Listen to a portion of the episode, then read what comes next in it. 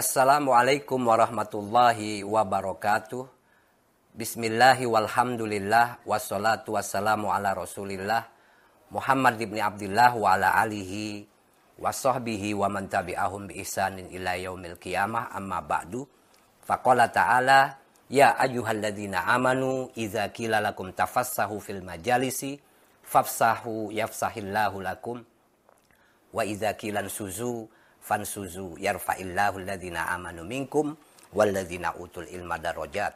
Wa qala Rasulullah sallallahu alaihi wasallam man salaka tariqan yaltamisu fihi ilman sahalallahu lahu tariqan ilal jannah al hadis au kama qala Rasulullah sallallahu alaihi wasallam. Para pemirsa 164 channel di mana pun Anda berada, selamat berjumpa kembali dengan saya dalam rangka pengajian kitab Fathul Majid kitab Tauhid karya Syekh Nawawi Al-Bantani yang pada kesempatan kali ini kita sudah akan menjelaskan atau membacakan tentang makna dua kalimat syahadat.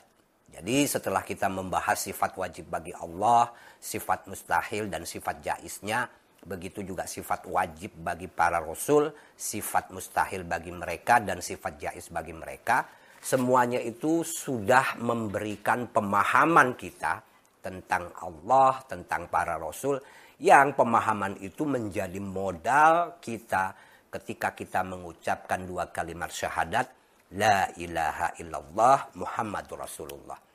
Jadi orang yang sudah belajar ilmu tauhid dengan baik dan benar ketika mengucapkan dua kalimat syahadat la ilaha illallah Muhammadur Rasulullah itu memiliki intensi yang lebih dalam, intensi yang lebih kuat dalam hati dan pikirannya karena dia sudah memahami tentang sifat Allah dan sifat para nabi atau para rasul itu. Terutama Nabi besar Muhammad Shallallahu Alaihi Wasallam akan sangat berbeda dengan orang yang mengucapkan dua kalimat syahadat tanpa didasari pemahaman yang baik dan benar tentang ilmu tauhid ini. Pada kesempatan kali ini atau kemarin kita sudah menjelaskan tentang uh, makna dari lafal uh, la ilaha illallah dan sekarang ini kita akan menjelaskan makna dari lafal Muhammadur Rasulullah. Nah, mari sama-sama kita memulai wa makna Muhammadur Rasulullah dan makna dari kalimat Muhammad Rasulullah itu apa? Isbatur risalah li sayyidina Muhammad sallallahu alaihi wasallam menetapkan kerasulan kepada Nabi besar Muhammad sallallahu alaihi wasallam. Wa yukhadu min idofatihi ilaihi ta'ala dan dari menyandarkan kata rasul kepada kata Allah, jadi rasul Allah, jadi ada dua kata ini atau dua kalimat yang pertama rasul, yang kedua Allah disambung menjadi Rasulullah. Ini namanya idofah. Jadi kalimat rasul diidofahkan kepada kalimat Allah Annahu ini menunjukkan bahwa sesungguhnya Nabi Muhammad itu sodikun. Orang yang sangat jujur. Wa aminun. Dan orang yang sangat bisa dipercaya. Jadi ini enggak.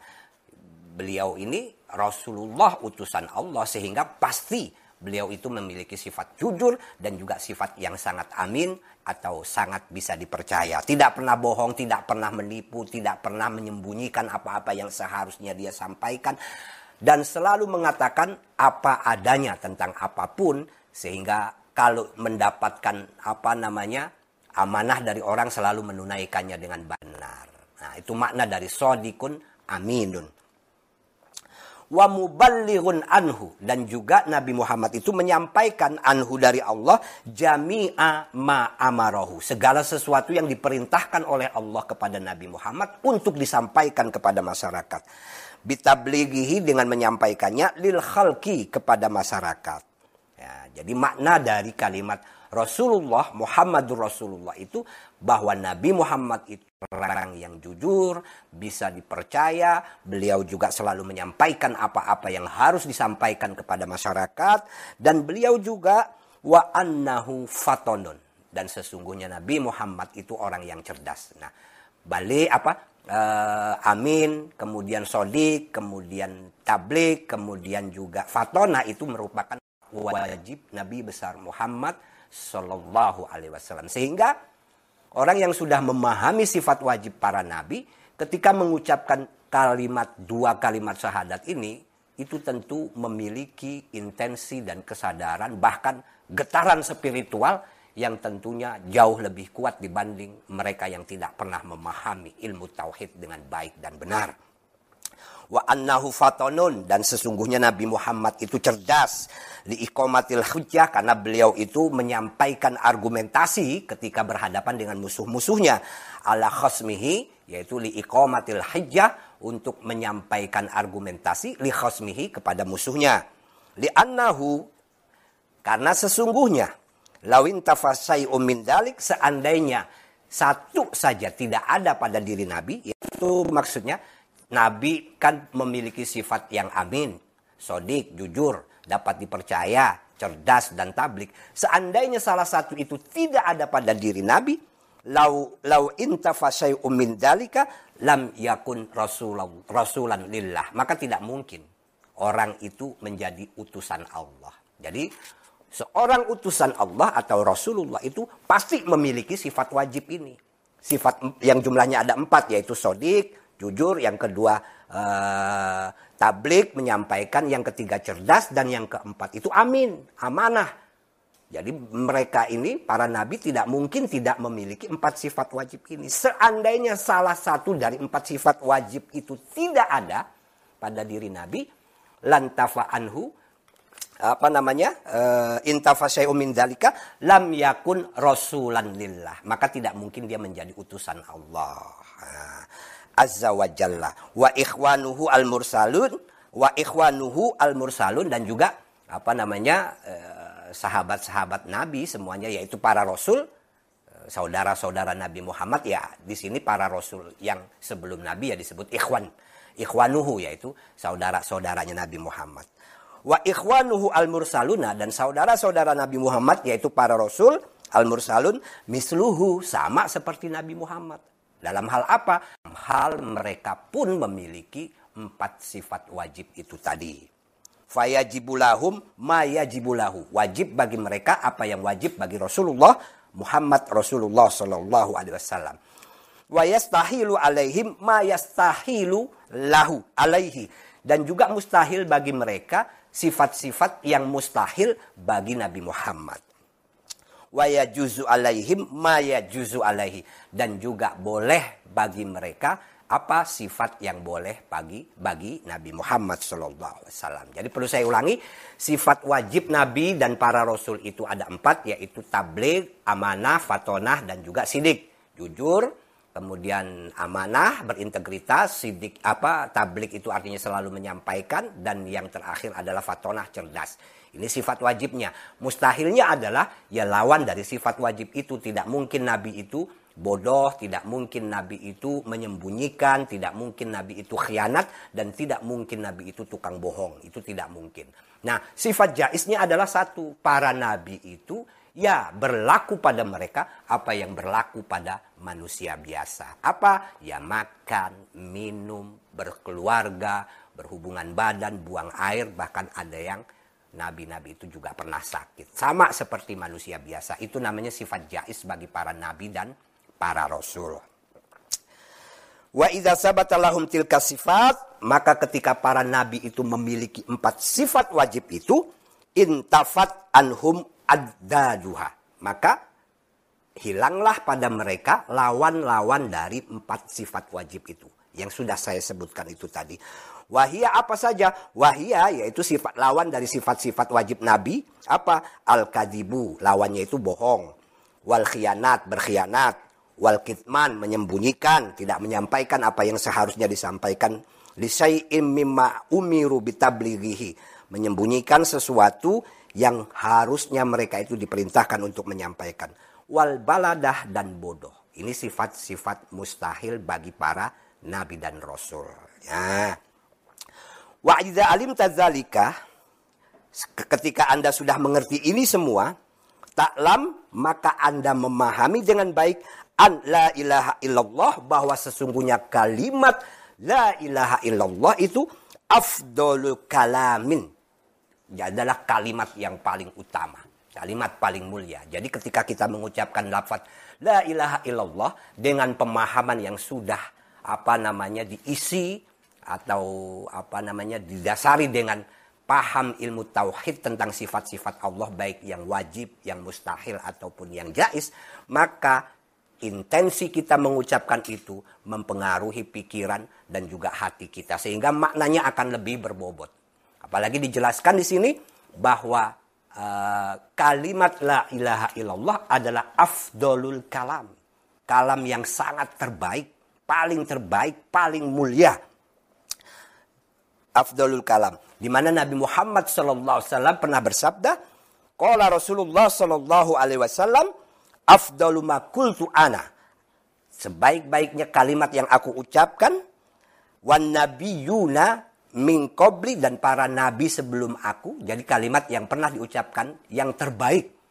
Kalimat yang pernah diucapkan oleh Nabi Muhammad dan nabi-nabi sebelumnya yang terbaik adalah la ilaha illallah yaitu kalimat La ilaha illallah. Maka sekali lagi saya tekankan di sini. Mengucapkan dua kalimat syahadat. La ilaha illallah Muhammadur Rasulullah. Tanpa diiringi, tanpa didasari dengan pemahaman ilmu tauhid yang baik dan benar. Itu intensinya berkurang. Orang banyak sekali di zaman sekarang ini selalu mengucapkan itu. Tapi jarang sekali orang yang mampu mengucapkan dua kalimat tauhid ini dengan mengucapkannya mengucap dengan didasari oleh pemahaman yang baik dan benar tentang ilmu tauhid. Maka sekali lagi penting sekali belajar ilmu tauhid. Apalagi kalau kita mau melanjutkan perjalanan spiritual kita menjadi seorang sufi, masuk ke dunia tasawuf lewat tarekat dan lain sebagainya itu itu ya tentu harus didasari dengan pemahaman ilmu tauhid yang baik dan benar yang ilmu tauhid ini membuat iman kita itu menjadi kokoh, iman kita itu menjadi baik, iman kita itu menjadi benar. Bukan cuma sekedar berkata saya beriman kepada Allah. Saya beriman kepada Nabi, tapi dasar pemikirannya itu kosong. Nah, ilmu tauhid inilah yang memberikan kita pemahaman yang baik dan benar tentang iman kepada Allah, tentang iman kepada Nabi Muhammad Shallallahu Alaihi Wasallam. Sehingga ketika kita mengucapkan La ilaha illallah, Muhammadur Rasulullah itu muatan atau pemahaman kita tentang kalimat itu menjadi sangat berbobot dan itu sangat mempengaruhi spiritualitas kita. Maka jangan main-main dengan dua kalimat syahadat ini. Seperti ada sebagian orang menggunakan dua kalimat syahadat ini cuma sekedar nulis di bendera, buat demo dan lain sebagainya. Yang kadang-kadang malah melecehkan dengan meletakkannya di bawah tanah sejajar dengan kaki atau menuliskannya di kaos atau di topi tapi tidak memiliki pemahaman tauhid yang baik dan benar. Tauhid yang baik dan benar itu ada di dalam pikiran kita, di dalam hati kita. Bahkan seandainya kita mampu memahaminya dengan baik, mengucapkannya dengan penuh kesadaran, dengan penuh keimanan, tauhid itu menjadi darah dan daging kita. Itulah perjalanan spiritual, bukan memamerkannya itu di bendera, di mobil, di TV, apa namanya di apa di topi dan lain sebagainya. Maka klaim-klaim bendera tauhid itu tidak dibenarkan. Itu tidak ada sebetulnya. Gitu. Apalagi para ulama sepakat menuliskan kalimat toyibah, menuliskan kalimat toyibah di sembarang tempat itu hukumnya makruh. Seandainya saya ingin menulis kalimat la ilaha illallah Muhammadur Rasulullah di sebuah di selembar kain, kemudian saya tidak jadi menulisnya, maka saya dapat pahala. Tapi kalau saya sudah menuliskannya, itu tidak apa-apa. Cuman ketika sudah dituliskan di bendera, di topi, di kaos, yang menggunakannya harus tahu hukum.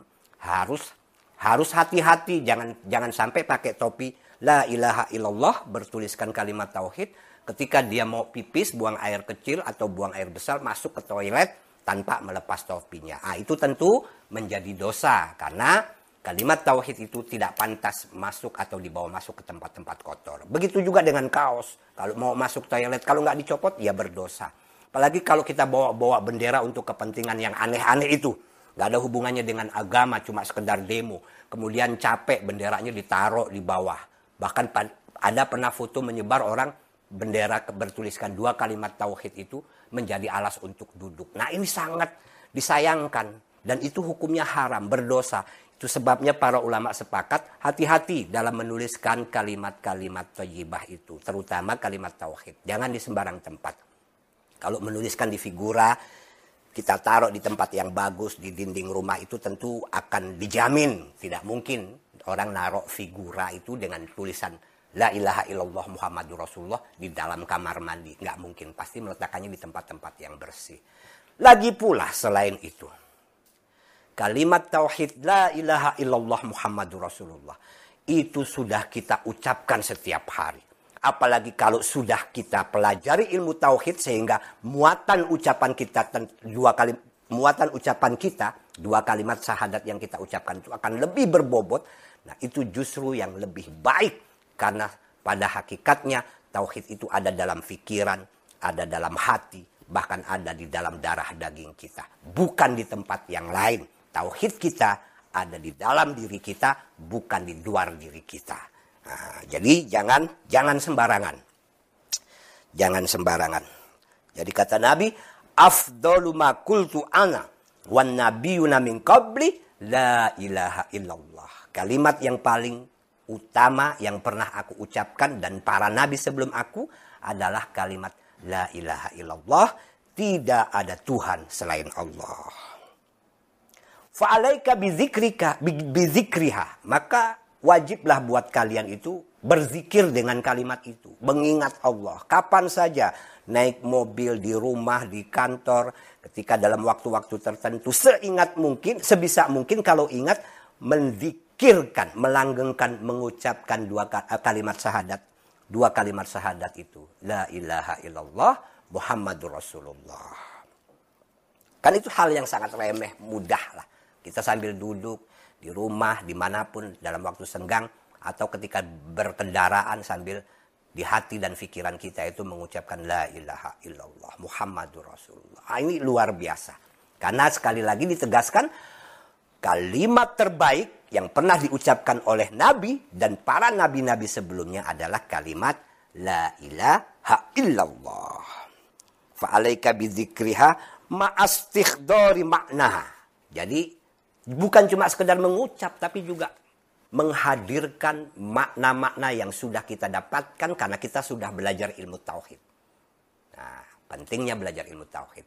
Jadi ketika kita mengucapkan la ilaha illallah Muhammadur Rasulullah, itu makna dari kalimat itu hadir dalam pikiran kita karena sudah kita kuasai dan kita pelajari melalui ilmu tauhid yang sudah beberapa episode saya jelaskan ini hatta tamtazijah. Nah, bahkan di sini ma'astihdari maknaha beserta zikirnya itu sambil menghadirkan makna yang terkandung di kalimat syahadat itu hatta tamtazija sehingga bercampur bilahmika dengan dagingmu wadamika dan juga dengan darahmu. Wah, luar biasa. Maka dulu kan ada cerita itu tokoh-tokoh sufi besar yang ketika dipersekusi, dihukum sampai ada yang kata kayak siapa?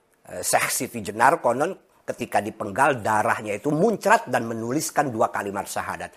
La ilaha illallah Muhammadur Rasulullah. Itu karena apa? Karena sudah melanggengkan mengucapkan dua kalimat syahadat di satu sisi. Di sisi lain dia betul-betul memahami makna yang terkandung di dalam dua kalimat syahadat itu. Jadi istilah kasarnya itu ucapan itu bukan ucapan omong kosong. Bukan cuma sekedar di lisan, tapi hadir di dalam pikiran, hadir di dalam hati sehingga ketika dilanggengkan menjadi tercampur dengan darah dan daging kita. Wah, ini perjalanan spiritual yang tentunya juga tidak gampang. Tapi memulainya dengan memahami sifat Allah dan sifat Nabi yang dijelaskan di dalam ilmu tauhid itu adalah langkah awal agar kita mampu betul-betul memahami makna la ilaha illallah Muhammadur Rasulullah. Ah. Wa hadza wa yadkhulu fil iman dan selanjutnya hadza inilah wa yadkhulu fil iman bin nabi sallallahu alaihi wasallam al iman bima jaa bihi termasuk iman pada nabi itu adalah mengimani apa yang dibawa oleh nabi yaitu para kita apa eh, kitab-kitab bukan cuma Nabi Muhammad ya, nabi-nabi yang lain. Jadi kalau kita beriman kepada nabi dan rasul, kita juga harus beriman kepada apa yang dibawa oleh nabi dari Allah Subhanahu wa taala, yaitu ada yang bentuknya kitab, ada yang bentuknya suhuf. Yang kitab itu kita tahu ada empat, ada Injil, Taurat, Zabur, dan Al-Quran. Suhuf itu ada suhufnya Nabi Musa, Nabi Ibrahim, yang semuanya itu juga bagian dari wahyu Allah yang wajib diimani oleh kita. Wa min jumlati abih al-kutub as-samawiyah. Jadi yang wajib kita imani adalah kitab-kitab samawi. Wal anbiya wa rusul alaihi musallatu salam. Dan juga kita percaya bukan cuma pada Nabi Muhammad tapi percaya juga pada para nabi dan rasul sebelum Nabi Muhammad. Fayajibu alaina maka wajib bagi kita al imanu bijami'ihim. Beriman pada semua itu pada semua nabi dan rasul. Faman amana bil ba'di, barang siapa yang beriman hanya pada sebagian, dunal ba'di, tidak beriman pada sebagian yang lain, fahuwa kafir, maka dia dijul, apa di, dihukumi sebagai orang kafir. Nabi itu kan ada 25 yang namanya ada di dalam Al-Quran. Nah, kita wajib beriman kepada seluruhnya. Dari Nabi Adam sampai Nabi Muhammad. Barang siapa yang hanya beriman pada sebagian dari 25 Nabi itu, dan tidak beriman pada sebagian yang lain, maka orang seperti itu disebut kafir. Dihukumi kafir. Wajibu dan wajib al-imanu. Apa yang wajib iman? Bima alahum ma'a ummatihim. Wajib kita percaya beriman pada apa yang terjadi pada para rasul itu ketika berhadapan dengan masyarakatnya. Ketika berhadapan dengan umat-umatnya. Gitu loh. Min makosa tisadaid ya contohnya dari apa penderitaan dan e, pelecehan juga perlawanan yang dialami oleh para nabi ketika mereka berdakwah. Itu kan ada ceritanya di dalam Al-Qur'an itu. Perlawanan para apa umat para nabi itu ketika para nabi menyampaikan dakwah. Bahkan ada yang kemudian Allah turun tangan mengazab sebagian dari umatnya nabi-nabi yang melakukan perlawanan seperti ada kita tahu Nabi Nuh uh, mendapatkan pertolongan dari Allah sehingga masyarakatnya yang menentang Nabi Nuh itu ditenggelamkan dengan dat didatangkan air bah yang luar biasa itu. Dan banyak juga contoh-contoh lainnya. Nah kita wajib percaya. Begitu juga seperti Nabi Musa ketika dikejar-kejar oleh Fir'aun. Yang Nabi Musa kemudian diselamatkan dengan terbelahnya Laut Merah itu. Nah itu juga peristiwa-peristiwa seperti itu wajib kita imani dan lain sebagainya dan lain sebagainya. Mimma kosadil mimma kosatil as-sadaid dari peristiwa-peristiwa yang menimpa mereka yang tentu menyusahkan dan menyulitkan membuat para nabi itu e, menderita bahkan ada yang apa terluka dan lain sebagainya. Apalagi yang wajib kita percayai wa wa izharil mu'jizati dan lahirnya atau keluarnya mukjizat di tangan para nabi, para rasul itu kita wajib percaya.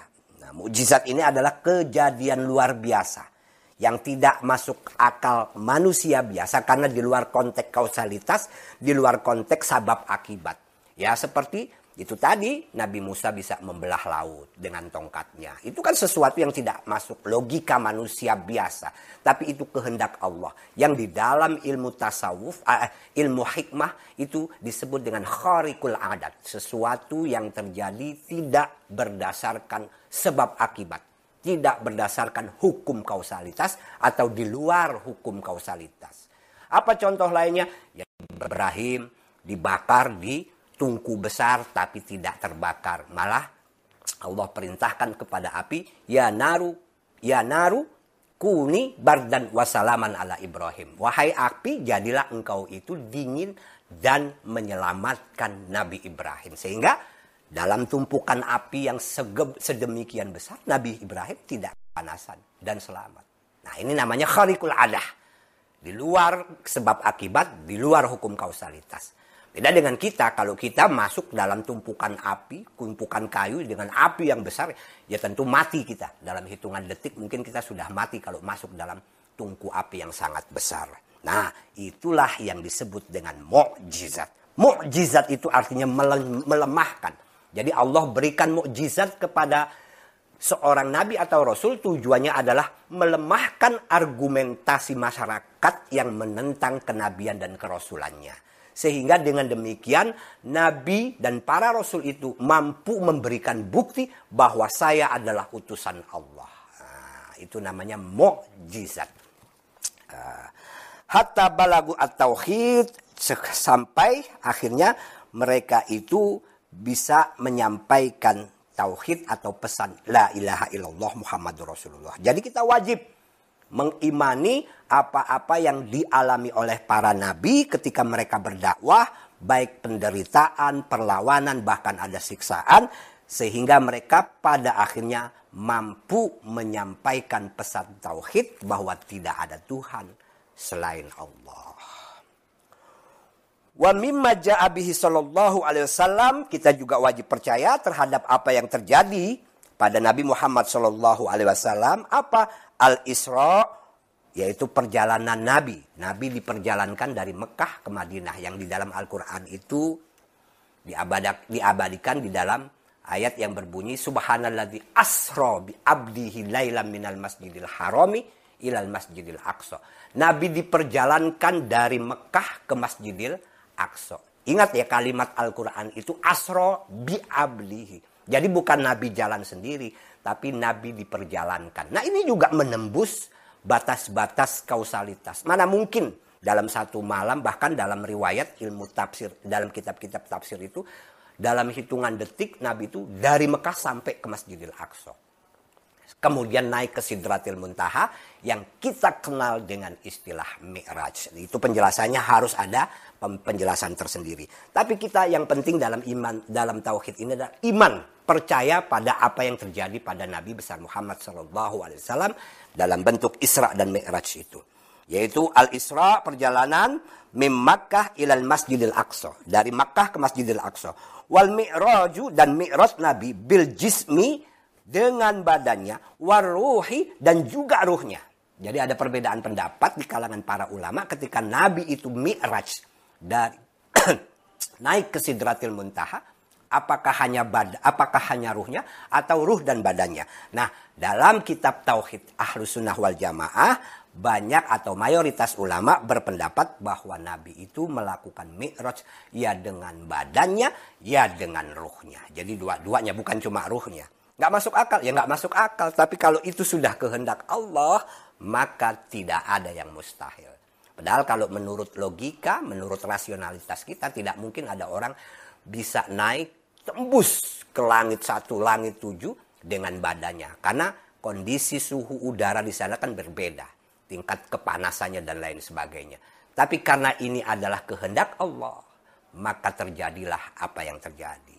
Tapi peristiwa kharikul adat, mukjizat itu hanya terjadi pada orang-orang yang memang dipilih oleh Allah, yaitu para kekasih Allah, terutama para nabi, para rasul, eh, para orang para wali dan juga orang-orang soleh. Kalau orang-orang biasa, ya jangan pernah berpikir bisa mendapatkan keistimewaan menembus batas-batas kausalitas atau kharikul adat. Orang biasa kepingin masuk tungku api tapi nggak kebakar. Ya nggak mungkin. Orang biasa kepingin kenyang tapi nggak mau makan. Ya nggak mungkin. Orang biasa kepingin pinter tapi nggak pernah belajar. Ya tidak mungkin. Kepingin punya uang tapi tidak mau kerja. Ya tidak mungkin. Makam kita adalah makam sabab. Makam sababiyah orang biasa. Yaitu makam sabab musabab atau makam kausalitas. Ingin pinter belajar Ingin punya uang, ya kerja. Ingin mendapatkan jodoh, ya ikhtiar sebisa mungkin untuk bisa mendapatkan jodoh. Dan seterusnya, dan seterusnya. Termasuk ingin sehat, ingin terhindar dari wabah virus corona, ya jaga protokol kesehatan atau ikuti protokol kesehatan. Itu iman yang benar. Jangan nantang-nantang, wah pokoknya ter, terserah Allah kalau Allah menghendaki saya sakit kena corona ya kena. Saya mah nggak mau pakai protokol kesehatan. Saya pasrah. Nah itu iman yang keliru yang seperti itu. Iman yang benar adalah iman yang sadar pada kausalitas. Karena kausalitas itu hakikatnya adalah Allah pula yang menentukan. Allah pula yang membuatnya. Bukan buatan manusia. Ah. Isra Mi'raj bil jismi waruhi dengan badan dan juga ruhnya Wa mimma ja'abihi su'alil qabri dan juga kita harus beriman pada apa? Pertanyaan di alam kubur. Di, di alam kubur. Wa huwa yaitu su'alul qabri ba dan sirofin nas setelah orang-orang yang mengantarkan mayit itu masuk ke dalam kubur atau meletakkan di kuburan, dikubur ditutup dengan apa tanah. Setelah para pengantar itu pergi, datanglah malaikat yang akan menyampaikan pertanyaan di dalam kubur. Nah, ada, itu wajib diimani. Nah, bagian dari iman kita. Wahwa ba dan sirofina setelah masyarakat itu pulang, meninggalkan kuburan fayadkhulu alal mayit maka akan datang kepada mayit malakani dua malaikat. Yusamma ahaduhuma salah satunya bernama mungkaron mungkar wal akharu nakiron disebut atau bernama nakir. Jadi dua malaikat yang akan datang kepada orang yang meninggal mayit yang sudah dikubur setelah pengantarnya itu pulang namanya malaikat mungkar dan nakir yang dua malaikat ini nanti akan menyampaikan pertanyaan kepada si mayit. Wajib kita yakini. nahu moko nahu nahu maka kemudian uh, dua malaikat itu mendudukkan si mayit wayas nahu dan bertanya menanyakan kepada si mayit apa yang ditanyakan anil ini tentang akidah Fakot, ya tentang akidah doang. Yang ditanya apa? Ya siapa Tuhanmu, siapa nabimu, apa kitabmu, dan seterusnya.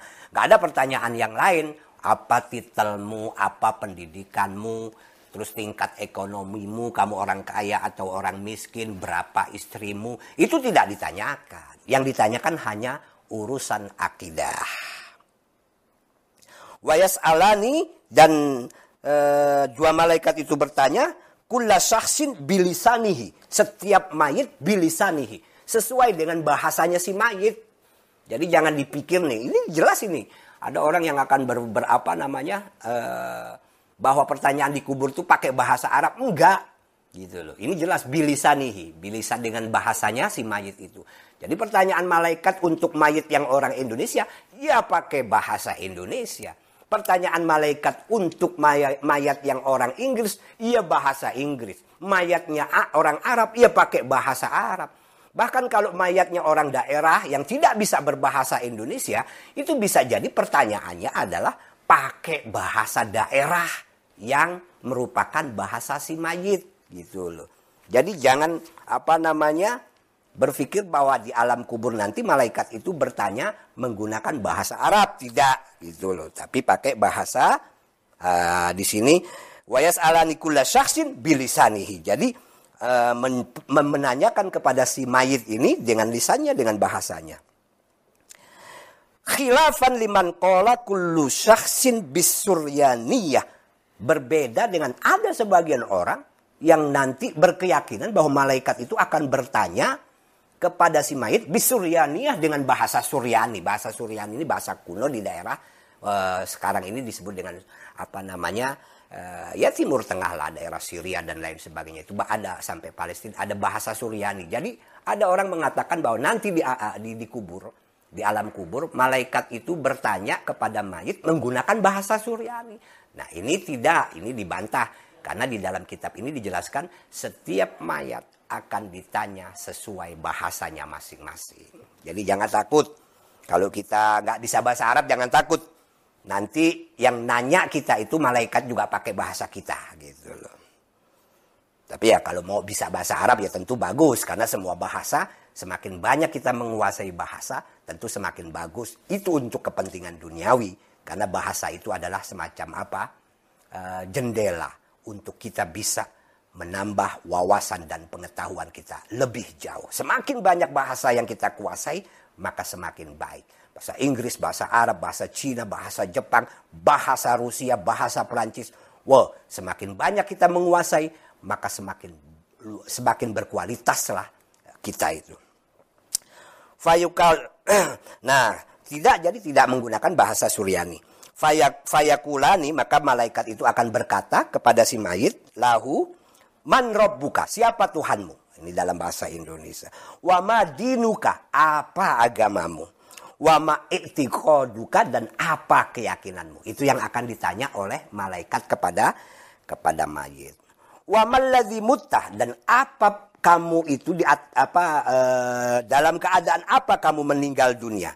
Wa malladzi mutta alaihi dalam keadaan apa engkau meninggal dunia? Apakah dalam keadaan maksiat? Apakah dalam keadaan taat? Apakah dalam keadaan mukmin? Apakah dalam keadaan kafir?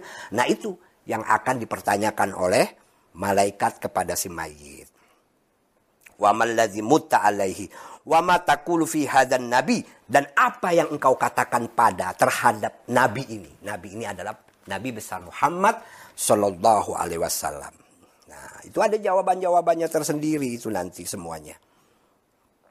Wa fi riwayatin dan dalam salah satu riwayat fir rajuli alladzi bu'itsa fikum tentang orang yang diutus kepadamu. Ya kita, ya tentang orang yang diutus kepada kita adalah Nabi Muhammad Sallallahu Alaihi Wasallam. Kita akan ditanya, bagaimana pendapatmu tentang orang ini, yaitu Nabi Muhammad atau orang yang diutus kepadamu. Fayujibu maka dijawab al mayyit uh, fayajibu fayujibu maka menjawab siapa al mayyitu bihasbi ma mata alaihi min imanin au kufrin. Jadi mayat itu akan menjawab sesuai keadaan terakhir dia meninggal dunia. Apakah ketika meninggal dunia dia dalam keadaan beriman atau ketika meninggal dunia dia dalam keadaan kafir. Nah itu nanti akan secara otomatis mayit itu akan akan menjawab semua pertanyaan-pertanyaan malaikat. Baik para pemirsa sekalian, eh, pada kesempatan kali ini saya cukupkan pengajian kita kali ini. Mudah-mudahan apa yang saya sampaikan ini bisa bermanfaat buat kita semua. Kurang lebihnya saya mohon maaf yang sebesar-besarnya dan saya selalu berdoa mudah-mudahan kita semua selalu mendapatkan perlindungan dari Allah Subhanahu wa taala sehingga kita terjaga dari segala penyakit wabil khusus wabah virus corona dan mudah-mudahan Allah selalu memberikan kemudahan kita dalam mendapatkan rezeki yang halal dan berkah buat kita dan keluarga kita semua. Akhirul kalam, wallahul muwafiq ila aqwamit thariq. Wassalamualaikum warahmatullahi wabarakatuh.